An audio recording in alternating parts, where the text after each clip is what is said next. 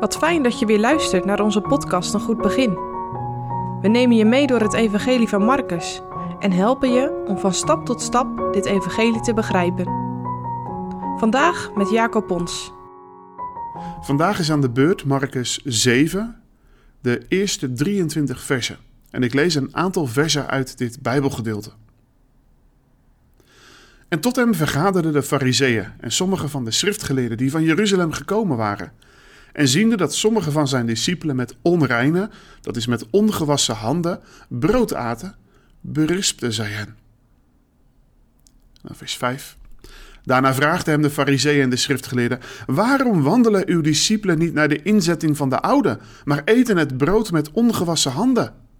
Maar hij antwoordde en zei tot hen: Wel heeft Jezaja van u, geveinsde, geprofiteerd.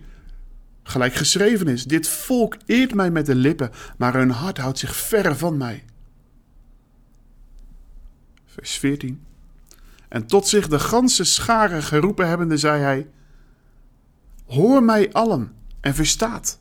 Er is niets van buiten de mens in hem ingaande, het welk hem kan ontreinigen, maar de dingen die van hem uitgaan, die zijn het die de mens verontreinigen.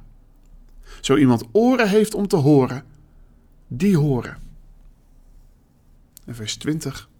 En hij zei: Hetgeen uitgaat uit de mens, dat ontreinigt de mens. Want van binnenuit het hart der mensen komen voort kwade gedachten, overspelen, hoererijen, doodslagen, dieverijen, gierigheden, boosheden, bedrog, ontuchtigheid, een boos oog, lastering, hoverdij, onverstand. Al deze boze dingen komen voort van binnen en ontreinigen de mens. Jaren geleden waren wij op vakantie in Tsjechië. Tijdens een wandeling zouden we naar de bron van de rivier de Elbe lopen. Ik had daar een behoorlijk grootse voorstelling van. De rivier was een kolossale watermassa. Dus ja, die bron zou toch ook wel behoorlijk zijn. Na een aantal kilometers lopen kwamen we op 1387 meter hoogte. Hier was de bron van de Elbe. Maar ik moet zeggen dat ik best een beetje teleurgesteld was. Want daar, ergens tussen de rotsen, borrelde een heel klein beetje water omhoog. En daar vandaan stroomde een klein stroompje. Was dit nu alles? Ik moest eraan denken bij het lezen van dit Bijbelgedeelte. De Heer Jezus is in gesprek met de Farizeeërs. Zij waren heel strikt in het houden van de reinigingswetten. Het ging in de tempel immers over een ontmoeting met de Heer, de volmaakte en heilige God. Dan moest je jezelf reinigen, wassen, schoonmaken. En de Heer Jezus is het daar helemaal mee eens. Maar er is toch een verschil van inzicht. De Heer Jezus laat duidelijk zien dat de bron van de onreinheid niet buiten de mens ligt, maar binnen in de mens. David heeft het over de vuile bron van al mijn wanbedrijven. De bron van mijn zonde, dat is mijn hart. En daarom wijst de Heer Jezus op hun beperkte gerichtheid op God. Hij noemt hen huigelaars, toneelspelers. Ze doen zich beter voor dan dat ze zijn. Ze doen van alles. Ze houden de wetten van God zo goed mogelijk. Maar er is geen enkele liefde tot God. Hij haalt zelfs de profeet Jezaja erbij aan. Dit volk eert mij met hun lippen, maar hun hart is verre van mij. Confronterend, vind je niet? Waarom ga jij naar de kerk? Waarom lees je in de Bijbel? Waarom bid je elke dag? En waarom ben je eerbiedig als je bidt? Waarom strijdt en vecht je misschien wel voor de waarheid?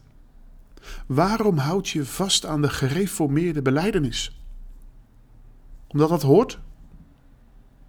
Omdat je dat zo geleerd hebt? Als dat het enige is, dan zegt de Heere Jezus vandaag ook tegen jou: Maar je hart is ver van mij. Nee, de Heer Jezus laat zien dat we de onreinheid niet zomaar van ons af kunnen schudden. Nee, jij en ik, wij zijn het probleem. Ons hart is de bron van de zonde. En dat kan zomaar een hele kleine bron zijn, zoals die bron van de rivier de Elbe. Maar het heeft grote gevolgen in je leven, want de rivier mondt uiteindelijk uit in een brede stroom in de zee. En die bron, die moet gereinigd worden. Probeer het maar. Alle zonde wegdoen uit je leven. Dat is jezelf bekeren. Dat is wat de Heer van jou en mij vraagt. En toch? Uiteindelijk zullen we hierin falen. Want die bron, die blijft maar hetzelfde. En daar blijft alleen maar vuiligheid uitkomen. Maar er is een fontein. Er is een bron. Die is geopend tegen alle onreinheid, tegen alle zonde. Dankzij het werk van de Heer Jezus Christus. Alleen door Hem kan jouw bron, jouw hart gereinigd worden. Die in mij gelooft. Stromen van levend water zullen uit zijn buik vloeien. Denk vandaag steeds terug aan de woorden die de Heer Jezus citeerde. Dit volk eert mij met hun lippen, maar hun hart is verre van mij. Hoe is dat bij jou? Bid de Heer, o bron van levend water, was mij, reinig mij en maak mij schoon.